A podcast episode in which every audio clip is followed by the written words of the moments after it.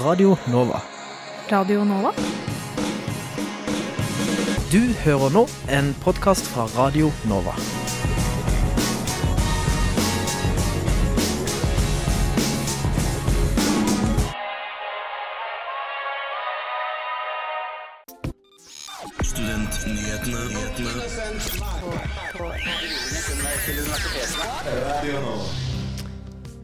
Hjertelig velkommen til eh, Studentnyhetene, denne timen på Erdanova. I dag så sitter Victoria Løvik og jeg, Ingrid Kåfeiring, i studio. Og i dag skal vi høre Hva føler egentlig studentene om den nye stipendordningen? Nå er det snart eksamen for de fleste, og vi har funnet ti tips på hvordan du kan klare deg best mulig i eksamensperioden. Du får et utdrag fra debatt om nytt studenthus. Og vi skal også høre fra Blå liste i studentpolitisk møte. Men nå er det klart for ukens nyhetsoppdatering.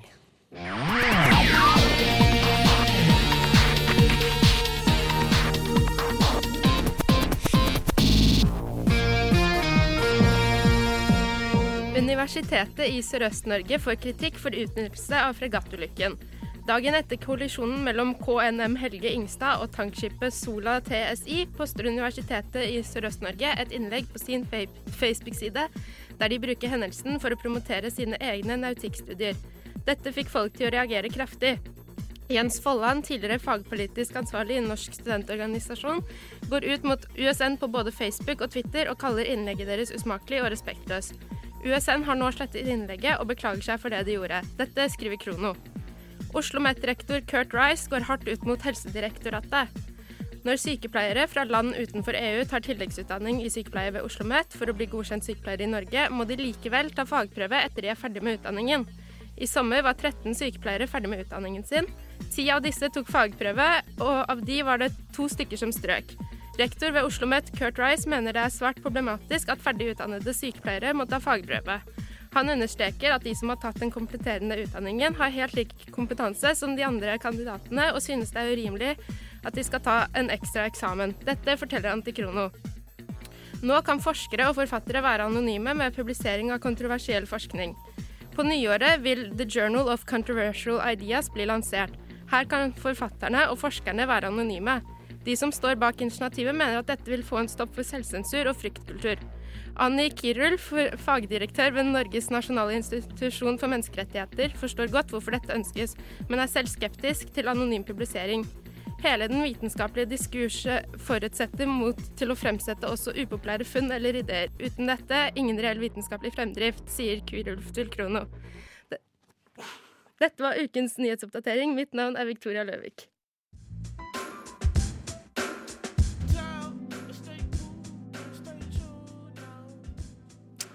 Ja, det er jo lov til å drømme seg litt eh, vekk om eh, nå midt på dagen. Det var nemlig Dreamcast med Up eh, to You. Eh, vi har eh, siden statsbudsjettet kommet, snakket mye om den foreslåtte omgjøringen av stipendordningen. En ordning som foreslår å kutte i stipendet ned til 25% dersom man ikke fullfører en grad.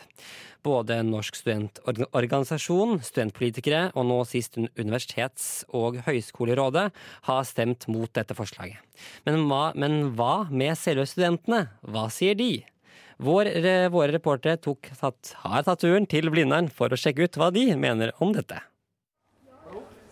Studerer dere her? Dere gjør det? Jeg gjør. Ja.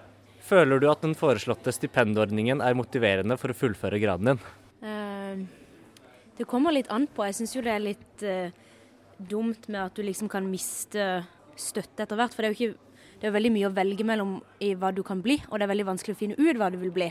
Så hvis du liksom bruker et par år på det og skal liksom bli straffa for at du ja, til slutt finner ut hva du vil bli, så syns jeg jo det er litt dumt. Men det er jo en bra motivasjon til at man ikke bare kan begynne på nytt og liksom studere hele livet. Mm. Kristin Brodland, uh, jus. Føler du at den foreslåtte stipendordningen er motiverende for å fullføre graden din? Ja, jeg vil si den er motiverende. Men det er nok mange andre som vil ha, tenke litt annerledes på det, tror jeg. De som ikke fullt skal ta en grad, men enkelte fag. De tror jeg vil sitte litt verre. Kanskje ikke være fullt så motiverende til faktisk å ta, de, ta det ene året, f.eks. Som er jo positivt i seg sjøl, det òg. Eh, Vegard. Helseledelse og helseøkonomi. Hei. Unnskyld, kunne jeg avbrutt dere i to sekunder? Har dere fått med dere nyeste forslag til stipendordningen? Føler du at den foreslåtte stipendordningen er motiverende for å fullføre graden din?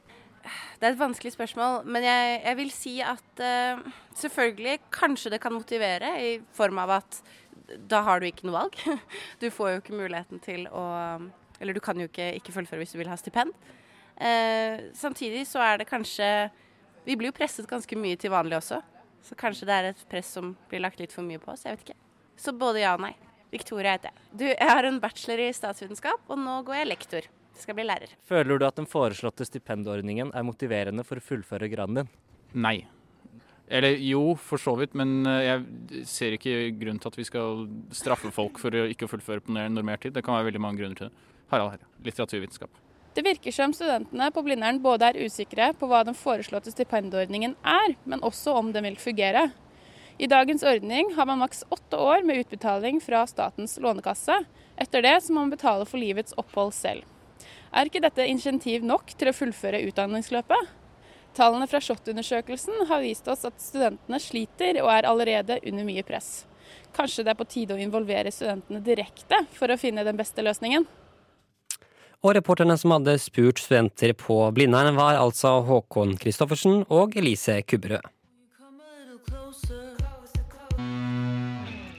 Ja, der hørte du sangen 'California Friends' av The Regrets. Eh, det er viktig å forberede seg godt til eksamen, men det er ikke så enkelt å lese alt pensum på bare kun et par uker. Vår reporter Josefine Ytre Eide Bjårstad har spurt studentene om deres beste tips for å overleve eksamensperioden. I disse dager har de fleste studenter eksamen, og det er viktig å ikke slite seg ut. Vi har snakket med studenter i Oslo og samlet de ti beste tipsene dersom du trenger motivasjon, står fast i en oppgave eller rett og slett ikke vet hvor du skal starte. Nummer én kom deg ut fra lesesalen. Du får ingenting ut av å sitte der dag ut og dag inn. Hva med å lese på en koselig kafé i stedet? Gode ideer kommer ofte når du opplever noe nytt. Nummer to skru av varsler på sosiale medier. Sosiale medier er ikke like distraherende dersom ikke varslene popper opp i hytt og gevær. Bestem deg heller for at du skal lese i 30 minutter før du tar en 10 minutters sosiale medier-pause. Nummer tre lag et system som funker for deg. Sett opp hva du ønsker å lese ulike dager, og ikke gjør noe annet før de sidene er i boks. Husk å ikke sette for høye mål til deg selv. Det blir mer motiverende å lese hvis du vet hvor lang tid du må lese hver dag, i stedet for å stresse og komme deg gjennom alle bøkene så fort som mulig. Nummer fire pass på kostholdet ditt. Ikke spis sjokolade eller andre søtsaker som gjør at blodsukkeret ditt stiger til værs. Du får mye energi raskt, men det synker også fortere. Hold det heller stabilt ved å spise f.eks. frukt som mellommåltid, fisk til middag og egg på brødskiven. Det er faktisk overraskende enkelt, billig og godt å koke poteter, varme ferdige fiskekaker og lage brun saus fra Toro. Nummer fem. Husk at trening kan gi deg energi. Trening er kanskje ikke det du prioriterer høyest når du har mye å gjøre, men du trenger ikke ta årets mest intense treningsøkt for å merke at du får overskuddsenergi. Nummer seks. Avtal å lese sammen med venner. Det er mye morsommere å lese sammen med andre. Inviter vennene dine på lesedate, så kan du ikke droppe lesingen for dårlige unnskyldninger. Nummer sju reis hjem til familien. Ta deg en helgetur hjem til familien din, og les der. Da slipper du å tenke på matlaging og vasking, og du kan lese i ro og fred. Nummer åtte hør eller se på lett underholdning. På radio og TV er det mye lett underholdning som du kan høre på uten å bruke for mye hjernekapasitet. Det er viktig å slappe av i hodet, og lett underholdning kan være perfekt til en rolig og avslappende kveld. Paradise og Farmen er altså ikke helt ubrukelige likevel. Nummer ni. Noter for hånd hvis du står fast. Mange ideer kan komme når man skriver for hånd, fordi man bruker mer av hjernen enn det man gjør når man skriver på PC. En notatblokk og en penn inneholder også færre distraksjoner enn det en PC gjør. Nummer ti ikke få dårlig samvittighet dersom du ikke leser 24-7. Det er viktig å slappe av også, og ikke slite seg helt ut. Alle fortjener å koble av med det de liker aller best etter en lang dag på lesesalen. Fikk du ikke med deg alle tipsene? Fortvil ikke. Du finner de også på radionova.no. Reporter i denne saken var Josefine Ytreide Bjørstad.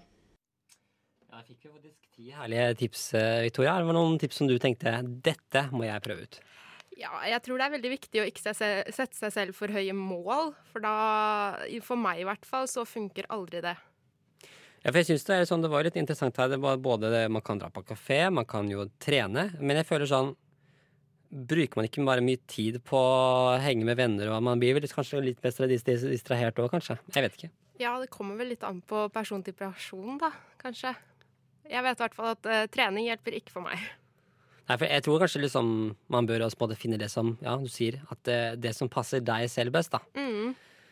Uh, men vi skal i hvert fall videre i programmet, for her får du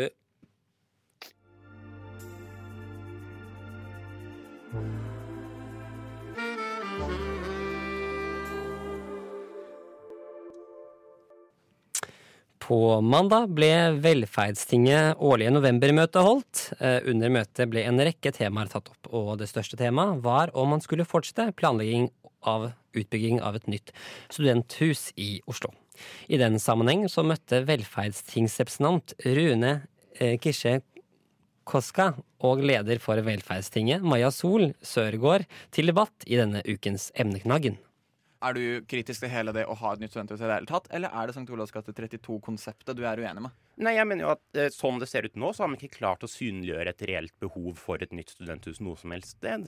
Eh, men jeg vet at det finnes et reelt behov for de studentforeningene som allerede finnes i Oslo, til å ha stabil drift. Og når man putter penger ett sted, så er man nødt til å hente de pengene fra et annet sted. Én ting er de eksterne midlene, men en annen ting er jo de midlene man sier at SIO skal kunne gå med inn i, i dette prosjektet. Og det er jo penger som fins, faktisk. Og ved å putte de inn i dette prosjektet, så svekker man jo resten av matrisen. Ja, for det er noe jeg har lyst til å poengtere også, at det er jo snakk om disse 450 millionene for å utarbeide i St. Olavs gate. Det er et stort nummer. Det er sagt at De pengene fins jo ikke. Eh, Det er noe som søkes om, og det er flere instanser som hjelper til. Men du sier jo her at SIO har en bolk som da enten går til det nye studenthuset eller da utarbeiding av noe annet. Sånn at noen av pengene eksisterer jo. Så hvorfor er St. Olavs gate 32 da det, ja, et bedre valg, da?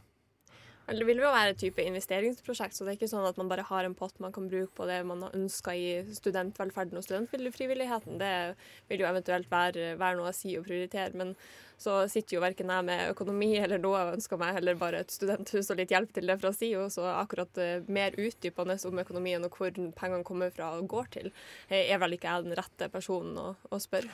Ja, sant? For det, det, det er den diskusjonen jeg har prøvd å eh, få fram et par ganger. da. Fordi Én ting er at visjonen et studenthus i sentrum kan være fin og flott, men til syvende og sist så handler det om hvordan velferdstinget velger å forvalte vår politiske kapital og våre økonomiske ressurser. Eh, Fordi SIO har vært helt tydelig på at hvis de skal gå inn som eier, så har de en del penger som de kan bruke på dette. Eh, Og de pengene forsvinner jo ikke hvis man ikke kjøper dette. Og da går de inn i den ordinære driften, og det er jo den driften vi i årevis har jobbet med å styrke. Og jeg tror det er mer vi kan gjøre på det feltet også.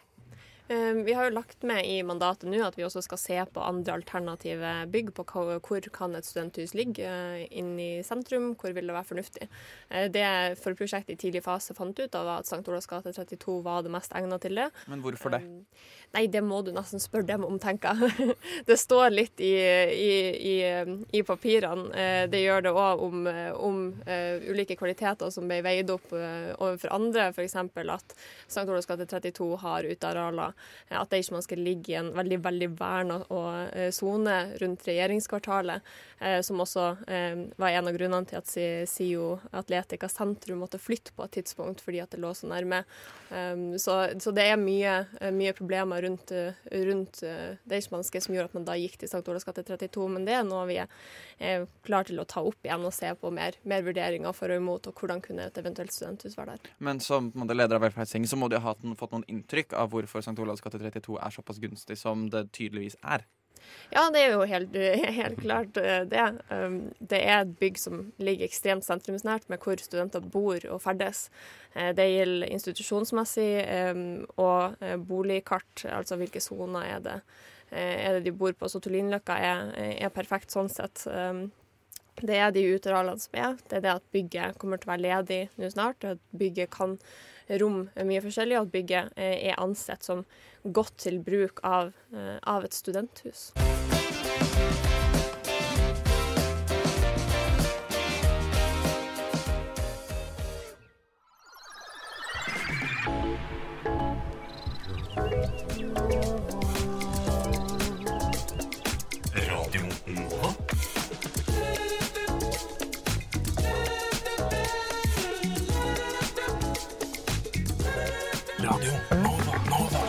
24 timer i døgnet, syv dager i uka.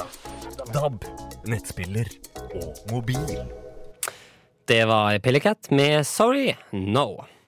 Nå skal vi tilbake til debatten med velferdstingsrepresentant Rune Keiske Kosaka og leder for Velferdstinget, Maja Sol Sørgaard fra denne ukens Emneknaggen. Det ble jo også sagt at eiendomsavdelingen på UiO har ikke mulighet til å hvert fall støtte to bygg i det hele tatt. Det blir også sagt på møtet at SIO kanskje har en interesse av å selge Chateau Neuf og heller flytte studentvirksomheten og studenthusvirksomheten til St. Olavs gate 32. Er det ikke litt skummelt å da fullføre dette forarbeidet, sette opp St. Olavs gate 32? Det er en mulighet at DNS på Chateau Neuf forsvinner? Vel, Nå eh, er det viktig å påpeke at jeg tror ikke SIO har noen økonomiske bindinger til Chateau som bygg i det hele tatt. Jeg mener derimot at de solgte seg ut for noen år siden. Så det er det eventuelt UiO som, som står. Det jeg vet at SIO har ikke noe spesielt interesse med å finansiere eller investere i Chateau siden de har solgt seg ut.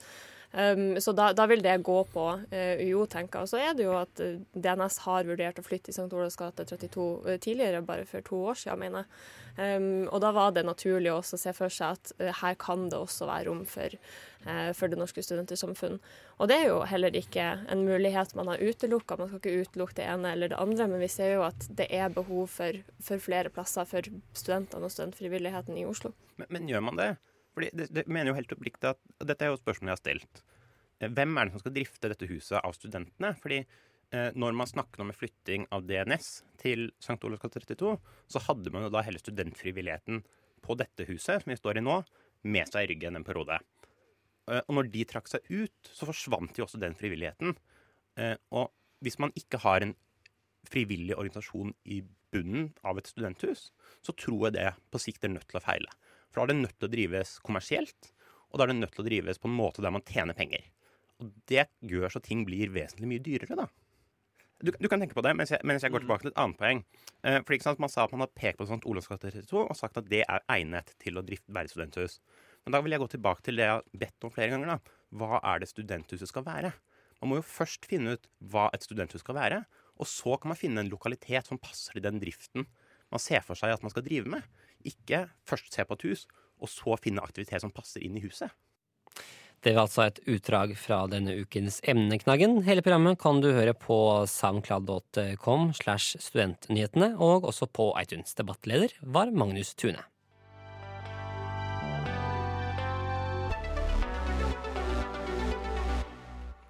Avstanden fra Calvert er altså, på studentnyhetene på selveste Radio Nova. Nå er det klart for ukens studentpolitiske møte, og i dag så har vi med oss Tage Jensen, nestleder i Blå liste. Velkommen til deg. Tusen takk, veldig hyggelig at jeg fikk lov til å komme. Bare hyggelig. Eh, Vi kan begynne litt med noen eh, dagsaktuelle saker. For i Krono kunne vi denne uken lese at eh, Arbeiderpartiet la fram forslag om å doble budsjettet for studentenes psykiske helse i sitt alternative statsbudsjett. Hvordan stiller dere til dette med psykisk helse for studenter? Eh, nå har jo ikke jeg hatt å holde på med litt andre ting. Eh, Øver litt til eksamen, skriver litt oppgaver sånn, så jeg har ikke fått sett så veldig mye på Arbeiderpartiets eh, alternative budsjett, dessverre. Eh, men eh, selvfølgelig så stiller vi oss alltid positive til, til ordninger og tiltak som vil styrke den psykiske helsen da, til alle studenter. Det er veldig fint at det rettes fokus på det. Så akkurat konkret hvordan vi forholder oss til det, må jeg kanskje avvente litt med å svare på. Eh, Vi kan ta litt mer generelt. Da. Eh, Gjør dagens regjering nok eh, for psykisk helse blant studenter, tenker du? Mm, nå iverksetter jo regjeringen en rekke forebyggende tiltak, da, med f.eks. fokus på tidlig innsats allerede fra barneskolen. ikke sant? Det er der man plukker opp veldig mange av problemene som også utvikler seg videre eh, i livet. Så jeg syns at regjeringen har en ganske fin eh, satsing eh, med denne tidlig innsats-fokuset, altså. Eh, har, har, dere noe, eh, liste, har, har dere noen punkter som tenker at dere, dette må vi gjøre for å få bedre psykisk helse blant studentene? Også et av punktene som vi gikk til valg på, eh, som også er relatert til psykisk helse, var jo dette med å utbedre, eller forbedre varslerordningen. da, Eller i hvert fall utrede hvordan man kan gjøre forbedringer i den. Eh, og Det syns vi er spesielt viktig etter ja, det som skjedde i våres eh, og i fjor vinter med dette metoo-fokuset. Så er det ekstra viktig at vi har en varslerordning på Jo som fungerer, så man kan varsle om kritikkverdige forhold og om uønsket seksuell oppmerksomhet. Det er jo veldig viktig for den generelle psykiske helsen og for den psykiske helsen til de individene som blir rammet av dette. da.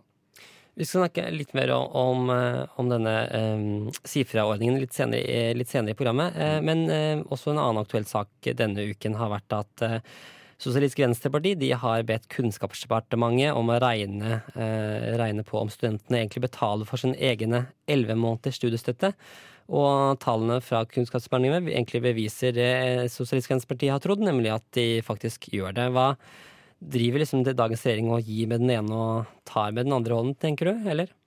Jeg syns vi skal først og fremst i Norge sette pris på at vi har, eh, vi har gratis utdanning for alle. Vi betaler bare en lav studentavgift, og vi betaler vårt eget eh, pensum.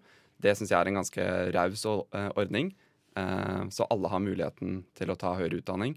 Og så har jo også regjeringen eh, innført elleve måneders studiestøtte, og det er jo noe som kommer spesielt godt med når det kanskje er litt lite penger på slutten av på slutten av året, eller på slutten av vårsemesteret.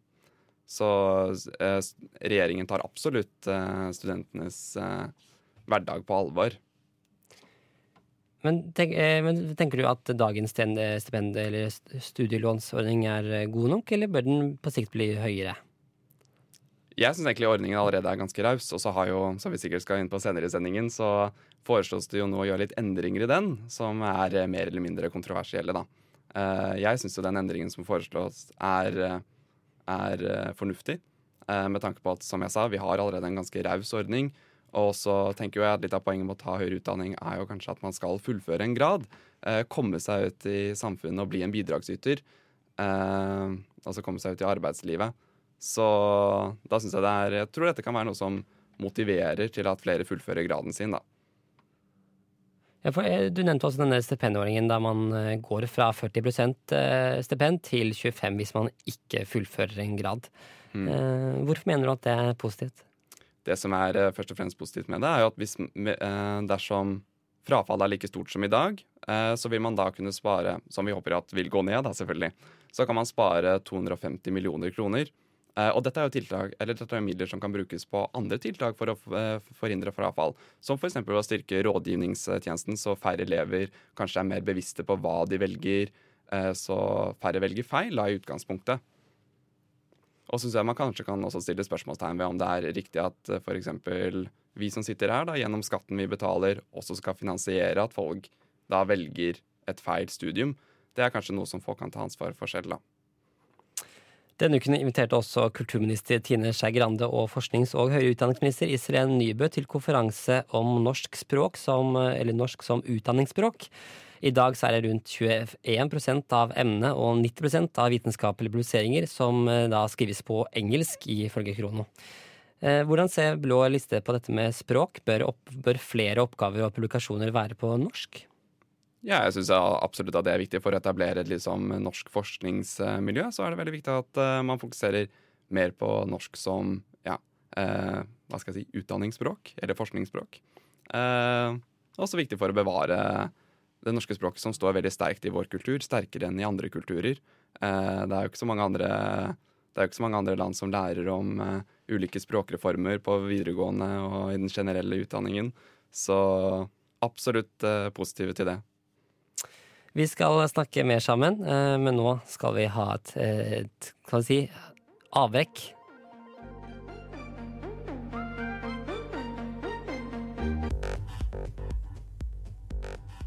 Der fikk du Sandra Kåstad med Half-Life her på studentenes eget nyhetsmagasin, Studentnyhetene på Radio Nova. Vi har fremdeles med oss nestleder i Blå liste, Tage Jensen, og nå skal vi snakke litt mer om deres egen listepolitikk. For i deres eget program så står uh, følgende, da. Eh, eller, for dere har altså satt opp eh, i hvert fall fire punkter som er de toppsakene denne perioden. Og vi kan ta for oss i hvert fall noen av de. Eh, dere vil jo annet ha en utredning av si-fra-ordningen til UiO. Hva er det dere vil ha, hva, altså, hva er det du skal utrede med denne ordningen? Nei, Vi har jo lyst til å få mer kunnskap om hvordan den fungerer. da, Om det er et eh, legitimt og fungerende organ som faktisk ivaretar hensynet til eh, varslerne. Eh, Det er derfor vi ikke har fremmet noe særlig mer konkret politikk på det. For jeg tror de som holder på med det systemet, vet selv hvordan det kan forbedres eh, osv. Eh, og så har jeg aldri brukt vært så heldig at jeg aldri har hatt behov for å prøve denne varslerordningen selv. Så tenker jeg at det blir litt rart om jeg skal gå og diktere hvordan den skal fungere. Så jeg tenker at en utredning for å få mer kunnskap om hva som eh, fungerer bra, hva som, hva som fungerer mindre bra, kan være på sin plass, da. Ja, for hva, hva tenker du om at eh, Eller hva er det som er problemet med dagens ordning, tenker du? Altså, er, det, er det noe konkret du har lyst til å endre? Vi har jo fått henvendelser eh, som jeg ikke kan gå for mye i detalj om, om at uh, varslerordningen ikke er så veldig bra, eh, fra noen som da har benyttet seg av den. Eh, og det tenker jeg at noen man skal ta på alvor. Så jeg vet at UiO har eh, lansert noen tiltak. eh, og de har også prøvd å opplyse om at det i det hele tatt finnes en SIFRA-ordning. Det tror jeg det var mange studenter som ikke visste før eh, de begynte med den opplysningen. Eh, så det er litt sånn eh, med tilgjengelighet og dette fokuset på at den faktisk ivaretar eh, varslerne, da. eh, og tar dem på alvor. Tenker dere at dere vil ha en sånn enda lettere, lø- lett, lettere løsning i dag? For i dag så er det på en nettside man må logge seg inn på for å da liksom avlevere en sak, eller Ja, jeg tenker for så vidt at det er helt fint at det er eh, på nett. Altså, alle er jo på nett. Eh, men jeg tenker også at eh, det kan jo være veldig verdifullt for noen å ha noen å prate med og se noen i øynene. Eh, så vi vil jo gjerne også at det skal være en mulighet da, eh, for å oppsøke noen når du trenger hjelp. Eh, ja, det, det kan være veldig verdifullt for de som, som sitter inne med vonde opplevelser, å kunne snakke med noen direkte framfor over nett. Ja, Dere ønsker jo også å ha mer pensum tilgjengelig som e-bøker. Hvorfor det? Nei, det handler jo om at vi lever jo i en stadig mer digitalisert verden, og det er mange eh, Vi må også tilpasse oss hver enkelt student. Noen liker å lese på e-bøker, andre foretrekker gamle papirbøker. Eh, så jeg tenker at eh, det er tiltak for å liksom tilpasse seg hverdagen til hver enkelt student. Og så er det også slik at det kan også være et miljøtiltak. At man slipper å trykke mange flere bøker, f.eks., for fordi flere, flere ting kan eksistere på nett. Og det er jo en ting som man gjør både i grunnskolen og på videregående, at mer og mer legges over på nett av lærebøkene. Så hvorfor skal universitetet henge etter? Jeg tenkte også med e-bøker, hvordan tenker du sånn prismessig? Eh, bør de være en del billigere enn dagens, eh, dagens trykte form? Jeg tenker at det er naturlig. Eh, slik jeg har forstått det, så er jo de fleste e-bøker eh, som legges ut på Kindle osv., de er jo gjerne billigere enn eh, bøker i bokform. Eh, så det tenker jeg er en naturlig konsekvens som også kan liksom eh, gjøre at pensumet blir litt billigere, så du slipper å bruke 5000 kroner per semester. I, i, Blå Listits, uh, unnskyld, I Blå listet sitt program står det også at X-Fill skal moderniseres med mer fokus på vitenskapelig metode, vitenskapelig teori og kildekritikk. I tillegg vil dere at X-Fill skal gjøres mer fagspesifikt. Hvorfor, hvorfor ønsker dere å endre dagens X-Fill-ordning? Nei, da er det vel ganske klart at dette faget ble, dette ble innført på slutten av 1600-tallet, eh, da vi var en del av eh, Danmark-Norge. Eh, og det skulle være en sånn Da universitetsutdannelse var forbeholdt noen absolutt få, skulle være dannelsesfag, noe som man måtte gjennom. Jeg tror det er på tide med litt fornying. Eh, Danmark har det jo ikke engang eh, lenger. Det ble avskaffet på 70-tallet. Eh, og jeg tror det er mange som kvier seg for å gå inn i X-Fill-forelesning. Og så snak, eh, nevnes det mange begreper som man egentlig ikke forstår. Eh, deontologi, erkjennelsesteori, eh, a priori osv. osv. Ting man føler at man ikke får bruk for. Eh, så jeg tror det kan være en god idé å gjøre det mer fagspesifikt, så man ser at ok, dette faget er faktisk relevant for det jeg studerer og det jeg vil videre. Eh, fordi nå tror jeg det er mange som føler at dette er noe jeg må, ikke noe jeg vil, ikke noe jeg får utbytte av. Eh, tenkte, eller ser, ser du for deg liksom en, en konkret ting X-Fill kan bli bedre på, eller er det mer sånn vi vil endre det? Altså, som jeg var inne på, så tenker jeg at man kan gjøre det mer fagspesifikt. Altså at man tar relevante filosofer, eh, relevant eh, vitenskapsetikk inn i de ulike eh, på fakultetsstudieretningene Eh, som er på de ulike fakultetene, da. Eh, som for eksempel så tenker jeg at altså det som, Jeg hadde personlig glede av X-Fill. Jeg si. Jeg synes det, er litt, det er litt hyggelig å ha kjennskap til alle disse filosofene osv. Syns det er morsomt med etisk refleksjon. Og det er, det er selvfølgelig veldig viktig, veldig mye av det man lærer i X-Fill. Eh, men jeg tror eh, at man kan eh, At man vil få mer utbytte av det hvis man gjør det mer relevant, først og fremst. Fordi hvordan forskningsfeltet. For fungerer i humaniorafag, er jo helt annerledes enn i naturvitenskapelige emner. Så at man gjør et lite skille der, gjør det litt mer sånn som X-Fac f.eks. Eh, eventuelt legger mer inn i X-Fac, kanskje avskaffer X-Fil, jeg vet ikke helt. Eh, tror det kan være Fornyelse trengs, i hvert fall. Ja, Vi får se hvordan X-Fill blir, eh, og med det sier vi takk til Tage Jensen, nestleder i Blå liste.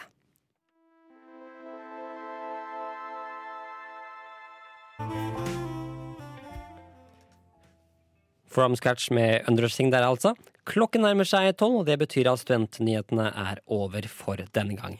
Sjekk gjerne ut studentnyhetene på sosiale medier. Du kan lytte på vår podkast i iTunes, Soundcloud eller på radionova.no. I studio i dag var Victoria Røvik, tekniker Celine Stensrud, og mitt navn er Ingar Jakob Feiring. Straks får du satire med radiotjenesten her på Radionova, men nå skal vi alltid høre 6, 12, 612 for alltid.